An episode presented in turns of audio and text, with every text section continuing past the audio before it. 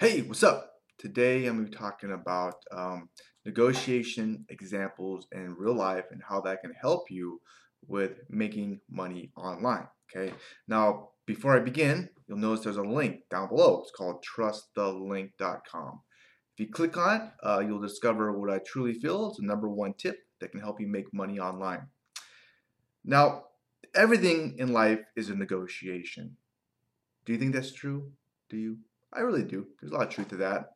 Um, and more people are going online, so you just take the negotiation online. Okay. Now, apart from affiliate marketing, which I really enjoy doing, doing it for many, many years, um, I've been also playing around as a side hustle with internet domains, buying them and reselling them for more for more money. And as you can imagine, negotiation plays a big role in that um, so I've been reading all kinds of books about negotiating, trying to get better. I've, I've picked up a few things, and I just want to kind of share my knowledge, what I've learned with you, that could hopefully maybe help you out in your life and in your business. Okay, what do you say? So one of the most powerful techniques when it comes to negotiating to get more out of life, even through your daily life, especially online too, is by using standards. So what do I mean by standards? Well Here's an example.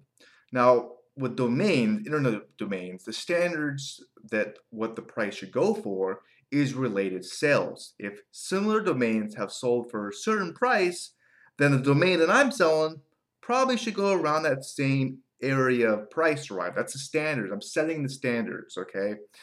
Um, kind of like when you sell your home, if you look at the, whatever homes around you have sold for, that you should probably get the same amount of money. See how you set the standards?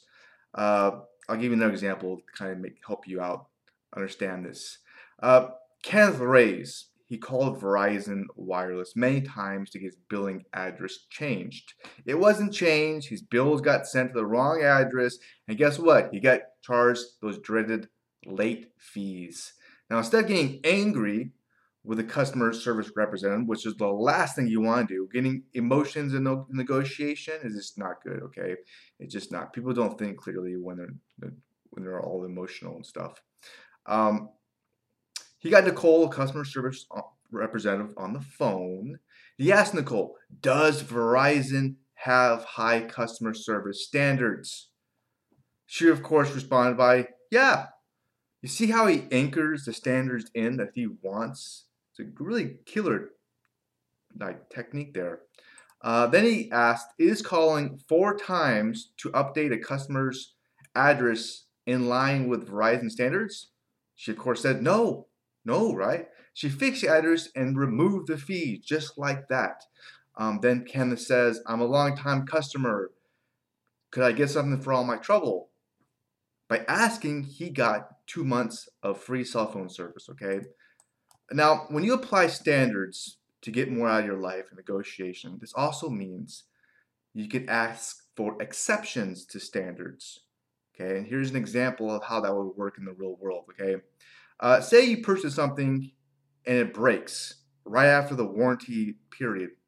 I never messed with warranty, by the way. But anyways, just this hypothetical question scenario. Okay, um, ask have they ever made an exception okay, uh, to their rule. And you know, it's not going. Obviously, you're not going to hit it, get a hit every time you do it.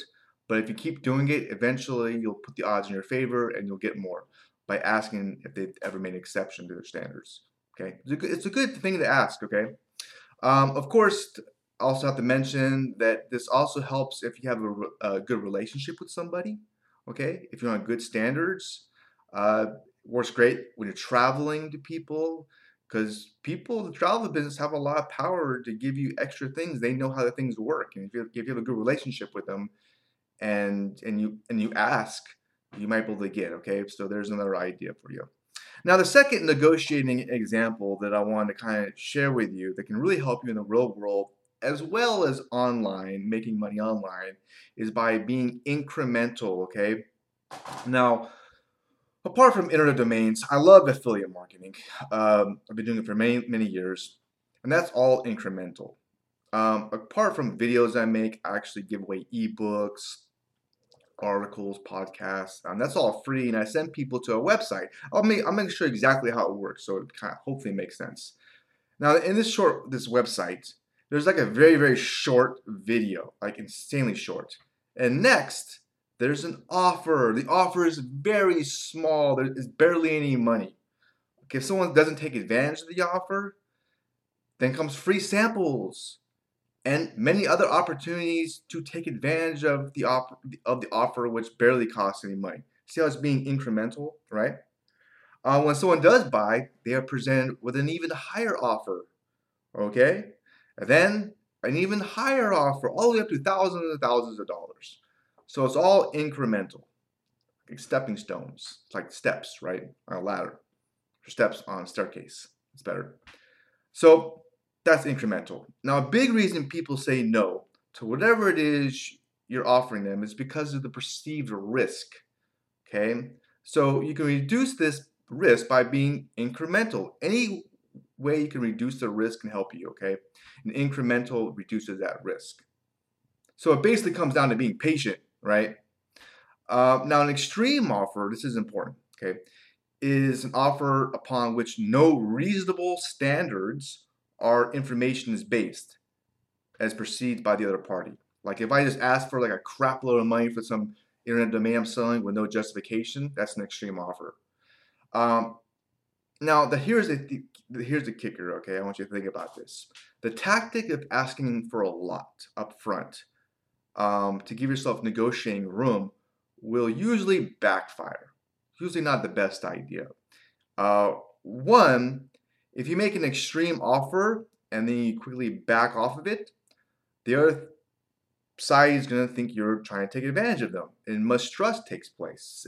Say it's a home and you're you're trying to sell a home and your home is like super expensive than the you know than the marketplace, then most people probably won't even take give you an offer because they don't want to insult you or whatever. You're just too extreme.